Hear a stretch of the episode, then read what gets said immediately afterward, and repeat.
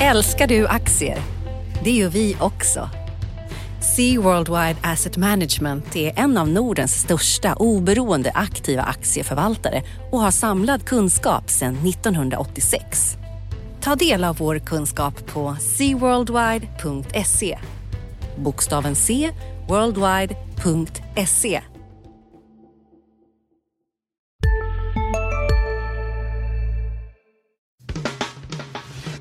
Analyspodden från Dagens Industri. Hej och välkomna till Dagens Industris analyspodd. Podden där vi går igenom de viktigaste händelserna på finansmarknaden i veckan som varit och veckan som kommer. Jag heter Johanna Jansson och mitt emot mig i studion har jag Martin Blomgren. Hej. Så är det. Hej. Så är det. Hej.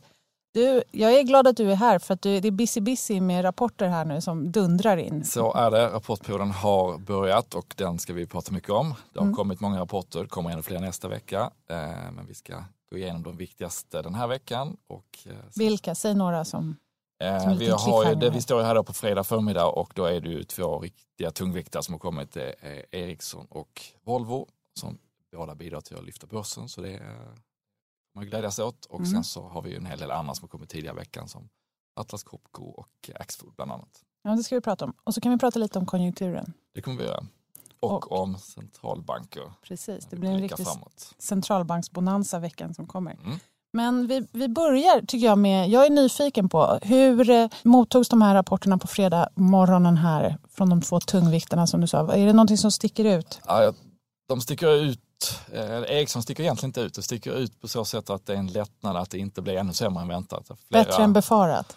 Eh? Bet, ja, bättre än befarat. De gör ungefär de gör ju nollvinst om man rensar bort alla engångsposter. Eh, men med engångsposter så var den då klart sämre än väntat. Men givet att de har många dåliga kvartal i ryggen och en marknad som går ner eh, så att man överhuvudtaget ser en stabilisering då är ju en lättnad. Och eh, Investor har ökat ägandet, Gardell har gått in så att jag tror man börjar eh, hoppas då att de faktiskt har sett någonting och, och sett en botten. Så att den aktien lyfter på det. Eh, Volvo, eh, lastbils-Volvo då. Inte att... Där var förväntningarna betydligt högre. Ja, det var förväntningarna höga, eh, men de slår förväntningarna då. Det man kan säga är att lastbilsmarginalen i andra kvartalet, alltså i somras, var ju en besvikelse. Så att det fanns, det låg i korten redan att det inte skulle explodera uppåt och eh, det, det gjorde det inte heller, men rapporten är i princip bättre på alla punkter. Så, att, eh, så, så, kan man säga någonting hittills om, nu är det som, vad ska man säga, det är i alla fall för, för perioden förfest. här, förfest på, ja. när det gäller rapporterna. Det kommer en hel del i veckan som kommer ja. också. Men kan vi säga någonting om de som har kommit hittills? Finns det något slags tema man kan? Ja, men några teman tycker man kan hitta. Man har sett att eh, Gunnebo, säkerhetsbolaget som inte är så stort, och Capio som kom med en vinstvarning. Båda de pekar på den franska marknaden som väldigt svag och där är det svårt att skala ner när det väl börjar gå dåligt för att det, eh, arbetsrättsligt är det, är det svårt. Så att franska marknaden är tung för de som är stora där. Eh, sen är det ganska många som har kommit in ungefär som väntat men att det inte riktigt räcker då på en börs som är ganska högt uppdriven. Och tittar man på banksektorn då så är det egentligen bara Handelsbanken som har kommit av de stora men även Avanza och i båda de var det lite kostnadsoro som som fick aktien att falla. Så att det är lite raketer hit och dit, lite spretigt, men, eh, men den stora trenden då, även om det inte är så många som har kommit än, är väl ändå att verkstadsindustrin, precis som makrosignalen har visat och som börsen har visat vägen, har varit väldigt starkt. Både Atlas Copco och Volvo är ju eh, Äntligen för industrin kan man väl säga. Det har tagit himla lång tid. Ja, och det, det var ju på gång under förra året. Q1 blev jättebra och sen så blir Q2 inte så bra. Då blir man orolig. Är det redan, har vi redan nått toppen? Och sen så kommer tillbaka lite här. Då, så att, det här med Frankrike, apropå makro, då, det är ju liksom mm. makroekonomernas hopp då att eh, Macron faktiskt ska, ska få igång eh, den franska tillväxten. Det är ju klart att det tar ju tid och han har ju knappt hunnit börja. Så att, men, men säger de någonting om, eller det är segt helt enkelt? Ja, tack och lov är det ju ingen stor jättemarknad för de flesta bolagen och, och i både Capio och Gunnebo då så är det ju väldigt specifikt. Det är ju mm. som kassaskåp och service till, ja. till banker och det andra är då eh, vård. Så att, eh, jag tror inte man kan dra några andra växlar än att de, de franska benet i många bolag kommer att vara tufft men, men det är inte så stort som hos de här bolagen hos de flesta andra. Så att, mm. eh, det väger ju tyngre skulle jag säga då att industrin eh, går bra för att den väger så tungt och det är så många underleverantörer och konsulter som Mm, det sprider som sig genom det, hela ja. ekonomin. När det gäller bankerna så kanske vi kommer tillbaka till, vi ska prata lite yieldkurvor också, Mm, det påverkar ju dem. Men, eh, men som, det är lite spretigt, kan man säga någonting om om det överlag har varit bättre eller sämre än förväntningarna? Mm, jag försökte snabb, snabbchecka hur det ser ut om man jämför med SME-förväntningarna idag. Eh, Det är ungefär 25 svenska bolag som har hunnit komma och hälften är, hälften är bättre än väntat. Eh, och av den återstående hälften så är det 50-50 som är som väntat eller sämre. Så att, eh, är man lite positiv så säger man då att 75 procent kommer in som väntat eller bättre i alla fall. Och de som inte är det, då är vi inne på det här, detta det är lite spretiga orsaker. Så att, eh, det är en positiv lutning på det som har kommit får man säga. Mm. Det betyder ändå på något sätt bättre än sist det begav sig. Ja, hur, halvårs- vad tycker du känslan är jämfört med halvår? Precis. Jag tycker känslan är lite bättre än halvårsrapporterna. Om man tittar på Atlas Copco till exempel som kom tidigare i veckan som den första stora industribolagsrapporten så hade de tvåsiffrig orderingång i alla sina geografiska regioner. Alla produktområden växer bra.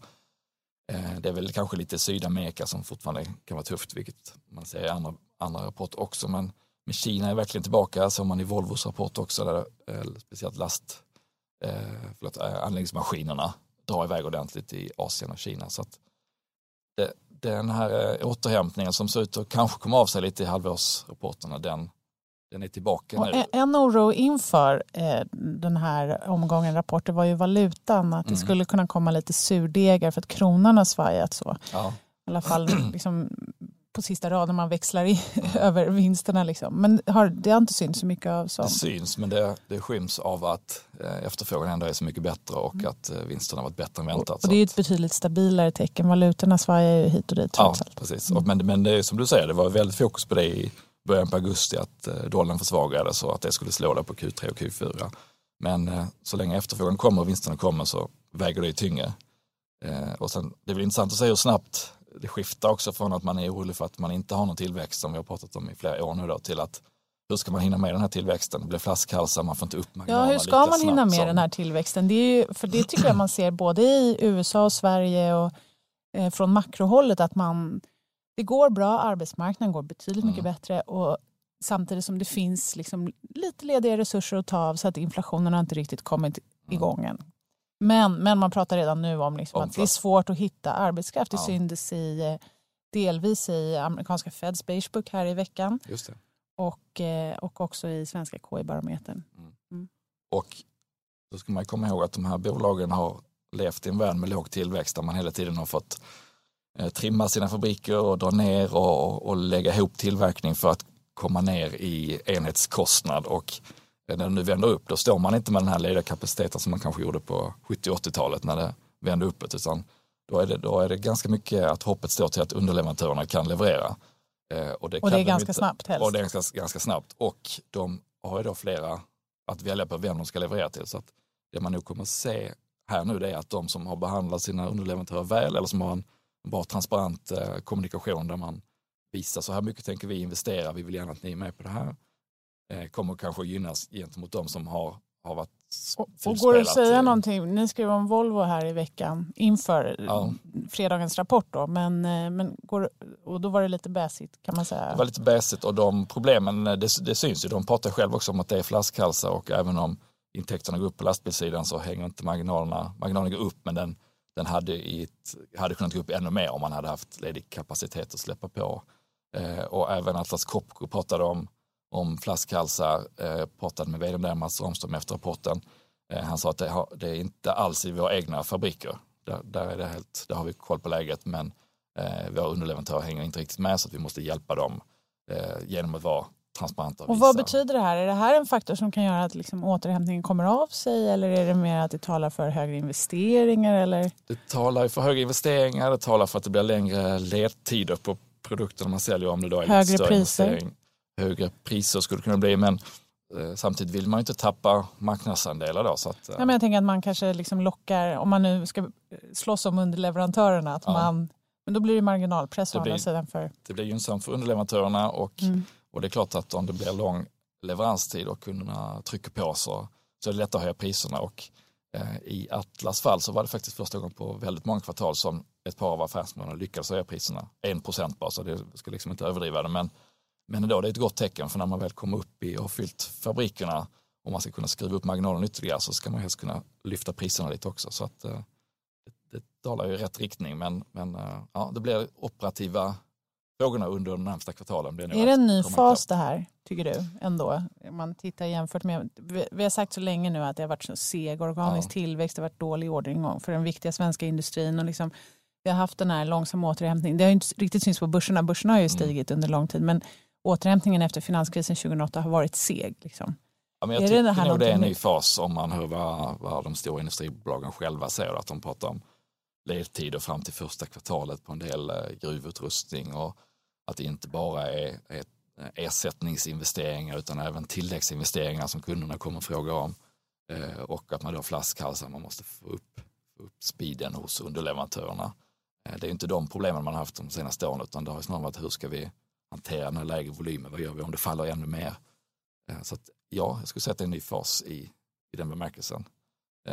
Och ur börsperspektiv då så är det väl intressant att, att, att se om de kan leva upp till det, att, att marginalerna hänger med upp eller om, eh, om analytiker och investerare varit lite för optimistiska och bara tänkt att går, går omsättningen upp så ska marginalen gå upp precis som den har gjort i tidigare konjunkturuppgångar. Alltså jag tycker samtidigt att man är lite kanske mer pessimistisk, eller både och. Ett, ett, jag tänker att ett av de viktigaste ärren från finanskrisen är just att vi lever med den här ständiga mm pessimismen, den här oron för att någonting kommer komma från sidan, den här svarta svanen som mm. ingen riktigt vet vad det är, den kommer komma och så kommer det bli kraschbang igen, någon stor kris.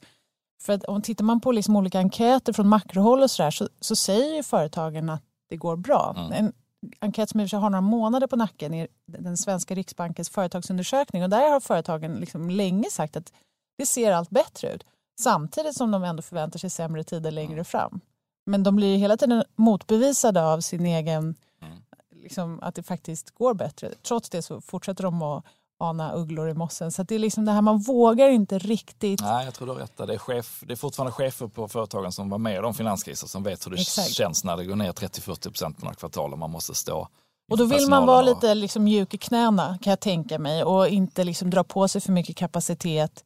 Eller liksom kunna parera Precis. alla eventualiteter. Plus att det som har tillkommit på de här tio åren är att digitaliseringen handlar inte längre bara om en fåtal branscher utan det slår ju i alla branscher och att, att då ta stora maskininvesteringar på miljarder och inte, inte ha med digitaliseringen i, i den kalkylen vad som skulle kunna hända om någon disruptar ens egen bransch.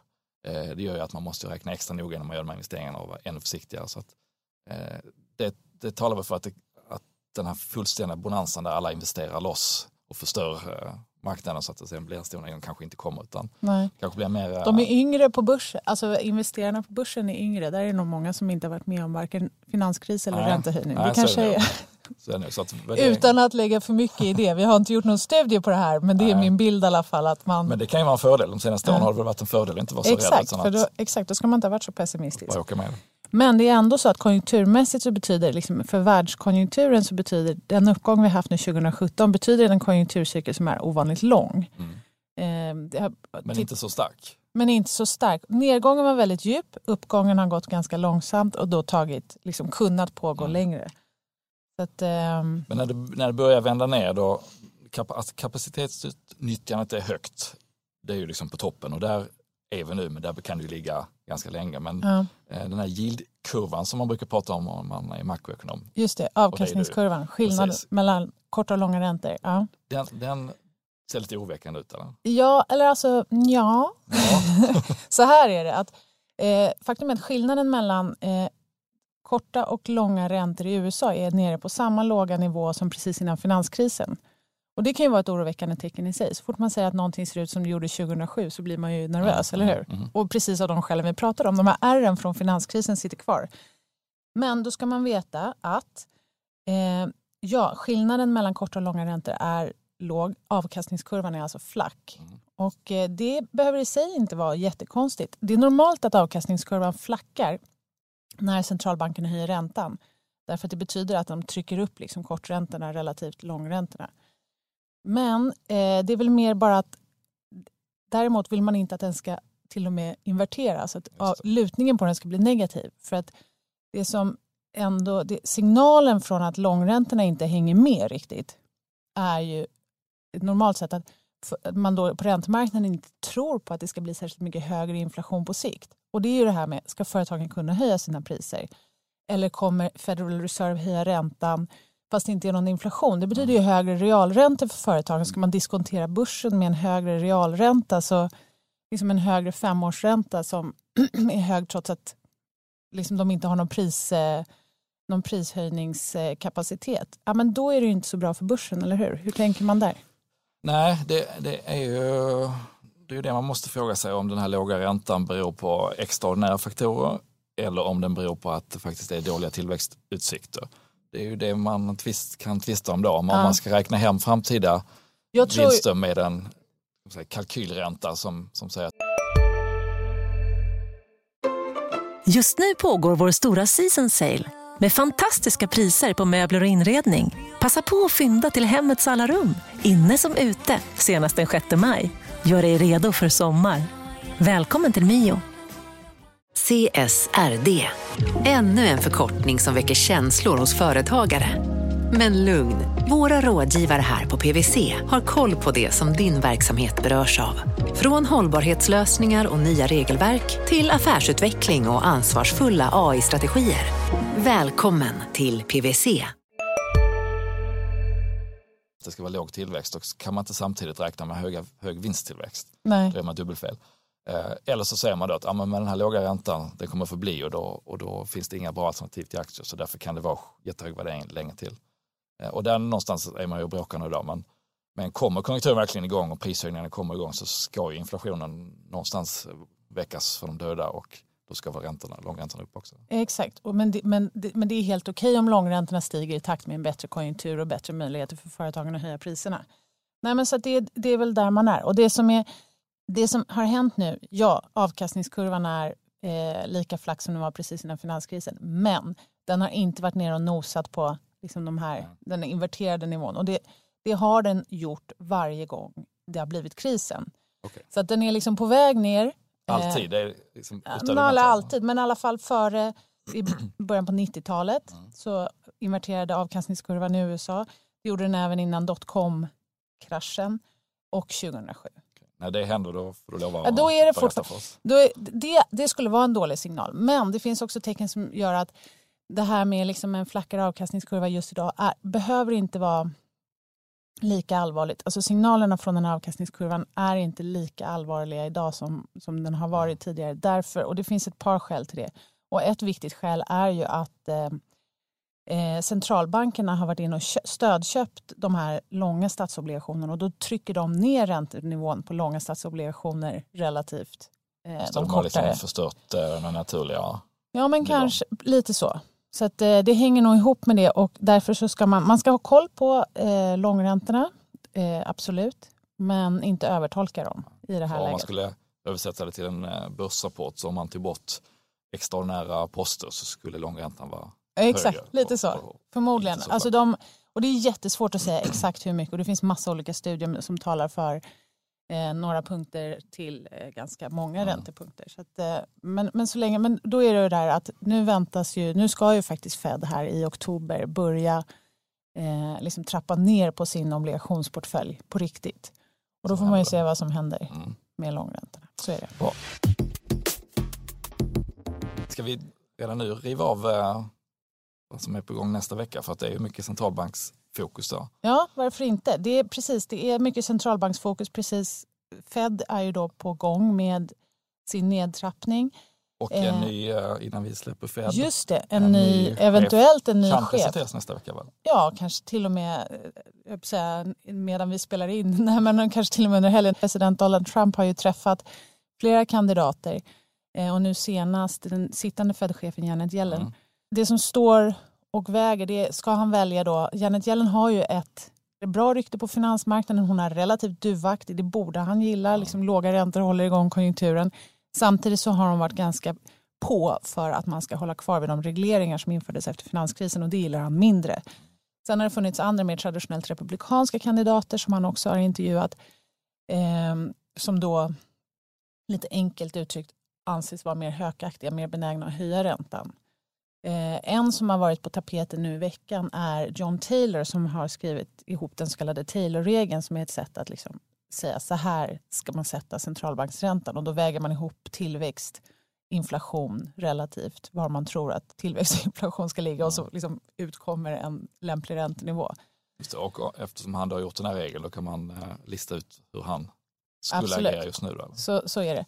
Och då skulle räntan vara lite högre i USA. Det beror ju också väldigt mycket på, som det är med allt sånt här, vad som kommer ut ur den svarta boxen beror på vad man stoppar in. Så det handlar lite om antaganden, vad man tror. Det som du var inne på här, liksom varför tror man att räntorna är lägre idag av liksom strukturella faktorer, att vi sparar mer, att vi blir allt äldre och sådär. Eller är det något annat? Och det, det beror lite på vad man gör för sådana antaganden. Men visst, han anses vara lite mer hökaktig. En dum fråga då från en lekman på centralbanken. Är det Trump himself som kan ta, eh, ta sista ordet här? Eller? Nej, alltså han kommer nominera någon, sen ska de röstas igenom. Men han har ju majoriteten med sig Ja. i båda kamrarna. Eh, och det var ju ett problem för den förre presidenten Barack Obama. Och det gjorde att det finns ett par poster som fortfarande är vakanta. Så att det är inte bara Fed-chefen som egentligen borde tillsättas utan det finns ytterligare ett par poster i det här ränterådet som borde tillsättas. Eh, så att, eh, ja, vi får se. Men eh, alltså det, det vore ett bra beslut om Janet Yellen fick sitta kvar. Eh, men eh, det, det kan bli bra även med någon annan. Mm. Det finns andra namn som har varit uppe och flaxat runt. Kevin Walsh är ett sånt. Eh, Men vi får se. Det kan Mm. komma under helgen nästa vecka. Det är Fed och sen så har vi både ECB och Riksbanken på räntebeskedsbanan. Just det. vecka? Och det blir en riktig centralbanksfest för såna här nörd, makronördar som Ja. jag. Då, för att det är räntebesked både från Bank of Canada nästa vecka och sen så på torsdagen så kommer Norges Bank, ECB och Svenska Riksbanken. Eh, och det som, är, det som väger tyngst där är ju ECB, den här stora draken nära oss. Och det är, euroområdet är ju också vårt största exportområde, eh, de 19 länderna. Och de, där är fokus på hur de ska göra med sina tillgångsköp. Ingen av de här väntas röra räntan i veckan. Så det handlar inte om det, utan det handlar om vad de ska göra med de här obligationerna. Och ECB, precis som Riksbanken, börjar få liksom slut på grejer att köpa. Det är ett aber. Och då är frågan, hur ska de trappa ner det här? Ska de göra det, köpa mycket på kort tid och sen sluta? Eller ska de köpa lite och hålla på längre? Och just nu så lutar eh, liksom medieläckor under sista veckan, veckorna här talar för att de kommer köpa, dra ner på takten men hålla på lite längre, kanske till åtminstone ett år till. Så Det är signaler om, om den här takten som är grejen. Ja, det är, det är grejen. Ja. Och då, ehm, det som blir eh, liksom, grejen med det är att de har sagt att de kommer inte höja räntan förrän väl efter de här obligationsköpen är avslutade. Så att håller de på längre så betyder det att räntehöjningar i euroområdet dröjer. Och det kanske sätter den svenska riksbanken lite i, inte i kläm, men i alla fall det kommer ju betyda att riksbanken kommer få börja, förmodligen få börja ensamt utan ECB. Därför att om de köper till och med om åtminstone om ett år, då lär den första räntehöjningen dröja till 2019. Det är ju ganska långt Mm. bort. Okej, så man kan måla upp ett scenario där de europeiska centralbankerna är ganska försiktiga samtidigt som vi skulle kunna få en mer högaktig Fed-chef och eh, då skulle ju dollarn kunna dra som en... Ja, och, men samtidigt så det är nog, det, undrar om det funkar. Alltså, för dra, drar dollarn för mycket då, då kommer nog Fed stöta på patrull. Ja. Man vill inte dansa ensam i centralbanksvärlden och eh, Riksbanken kommer nog, eller lär vilja hoppas på att de kan gömma sig lite bakom Fed som fortsätter höja och att ECB sen så småningom i alla fall kommer ut på banan. Men 2019 det känns ju väldigt långt bort. Men lite, lite varning eller hur, beroende på hur exponerad man är mot dollarn för att den skulle kunna Ja, så kan det vara. eh, fortsätta den här vändningen uppåt då, vilket ju för de flesta bolag på Stockholmsbörsen inte är en varning utan en, eh, en välkommen rörelse. Jag, jag har känt mig mer osäker på dollarn nu det här året än vad jag gjorde dessförinnan. Mm. Innan Fed började höja, innan 2015, då kändes liksom en starkare dollar som en, ett relativt säkert Mm. bett i den svängiga valutavärlden. Nu är det mer slagigt och det är nog också för att de mesta av de här valutaförstärkningarna brukar komma innan man höjer räntan. För det handlar om förväntningarna. Om vi förväntar oss idag att Fed ska höja räntan, då är det redan inprisat i dollarkursen. Så det gäller i sånt fall att de höjer mer än vad vi tror idag. Och det är frågan om, det är väl där de här tecknen vi ser från yieldkurvan, från valutamarknaderna, det är väl att marknaden än så länge tvekar lite på om Fed faktiskt ska kunna höja räntan som de har sagt att de ska göra under nästa år. Om, det kan, om de kan höja själva så pass, i en så pass stadig takt. Så att, eh, visst, man ska hålla ögonen på dollarn men, eh, men, men jag tycker, det känns inte som ett sånt klockrent case att dollarn ska gå som ett tåg eh, under 2018. Inte än. Vi får återkomma i den frågan. Ett litet tåg. Ett litet, ett litet tåg. Mm. Är det något annat på makrofronten nästa vecka som man inte bör missa? Man kan titta, blicka framåt också mot såna här preliminära inköpschefsindex om man är sugen på att veta Ja. var konjunkturen är på väg. Och då ser man ju också såna här faktorer som vi har varit inne på. Så här, vad säger företagen om möjligheten att höja priser och vad säger de om ledtider och annat? Och eh, det har ju varit, alltså de har ju varit väldigt optimistiska Mm. Om produktionen och orderingången och sådär. Och eh, i vissa länder så har även den här prisindexen börjat stiga lite. Men det kan man hålla ögonen på. Mm. Ja, och på eh, börs Alltså och börs- bolagssidan så precis. är det ju Rapporter ännu om fler mass. rapporter. Ja, Mm. precis. Det är ännu fler rapporter nästa vecka. Det är Sandvik och Alfa Laval eh, bland annat på verkstadssidan och det är på de, alla de andra storbankerna eh, kommer nästa vecka. JM till exempel, de är den stora bostadsbyggaren Som har varit pressad. som har fått ordentligt med stryk på börsen precis som alla de andra bostadsbyggarna efter att priserna har gått ner med 1 väl och eh, Bostadspriserna. bostadspriserna och Mm. rapporter om lite trögare försäljning. Så att, eh, det har ju verkligen varit ett enögt fokus på det förra veckan. Så det blir intressant att se vad, vad de faktiskt säger och planerar själva. I. Tror du att det här liksom nedgång, har de har varit under för stor press? Låter det nästan som du tycker, eller?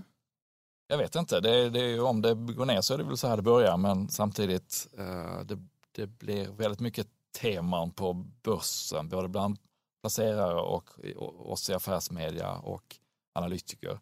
Att eh, när någonting börjar röra på sig så ska alla springa dit och, eh, och göra en, en, analys, som sticker ut på ett visst tema. Om det här händer, om marknaden går ner så här mycket, hur, vilka aktier ska ni dumpa då? Och, och, och vi gör ju likadant och placerarna tänker likadant. Så att rörelserna på kort sikt kanske tar ut lite väl mycket ibland eh, innan man har fakta på bordet. Eh, Jag har ju sett nedgångar eller avmattningar i bostadsmarknaden flera gånger de sista åren som jag ser tänker bara att har eh, fejdat ut. precis, en viktig grej är väl också att det kommer skilja sig mellan eh, har man, är man exponerad mot kommersiellt, mot privat, vilken del av landet är man i? Alltså det, det är sällan, fastighetsmarknaden är ganska, den är inte särskilt homogen, den är ganska Nej. heterogen. Och det är den sista köparen på något sätt som ställer priserna i. Det.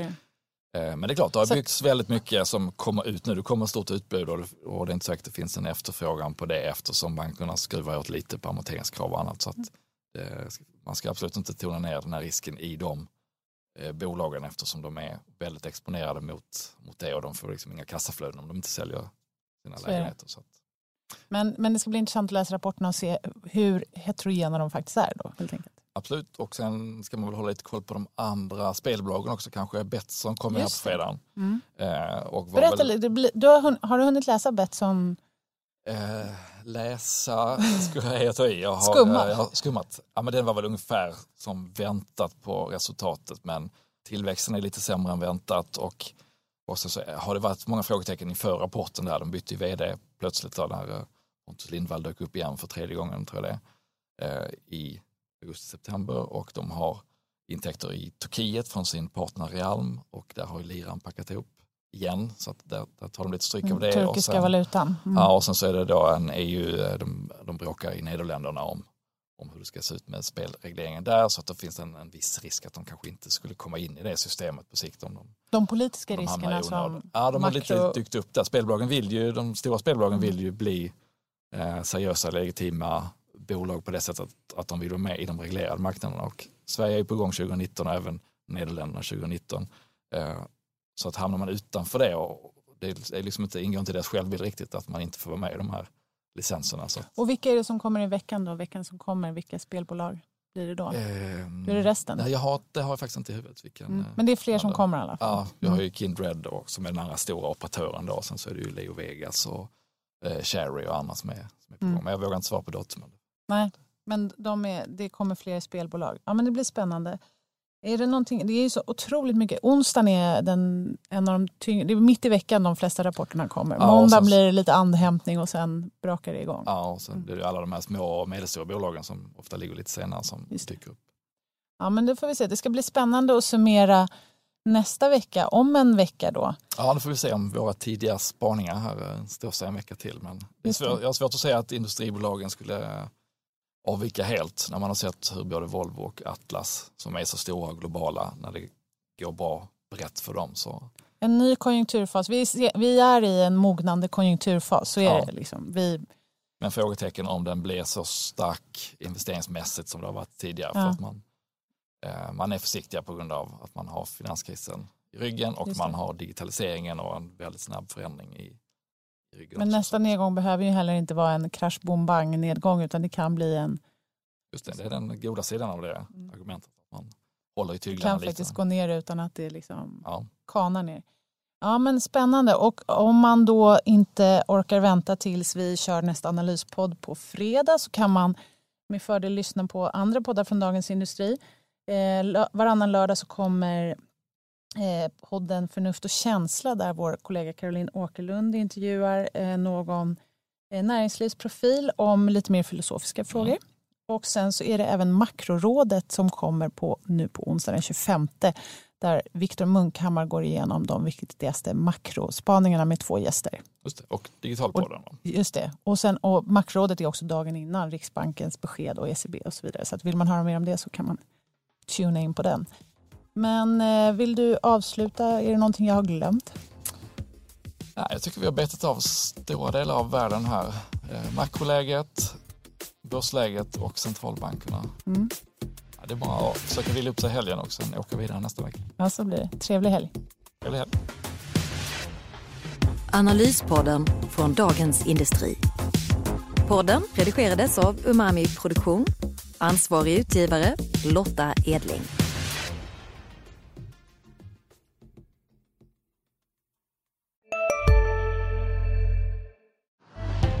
Älskar du aktier? Det gör vi också. Sea Worldwide Asset Management är en av Nordens största oberoende aktiva aktieförvaltare och har samlad kunskap sedan 1986. Ta del av vår kunskap på seaworldwide.se. Bokstaven C, worldwide.se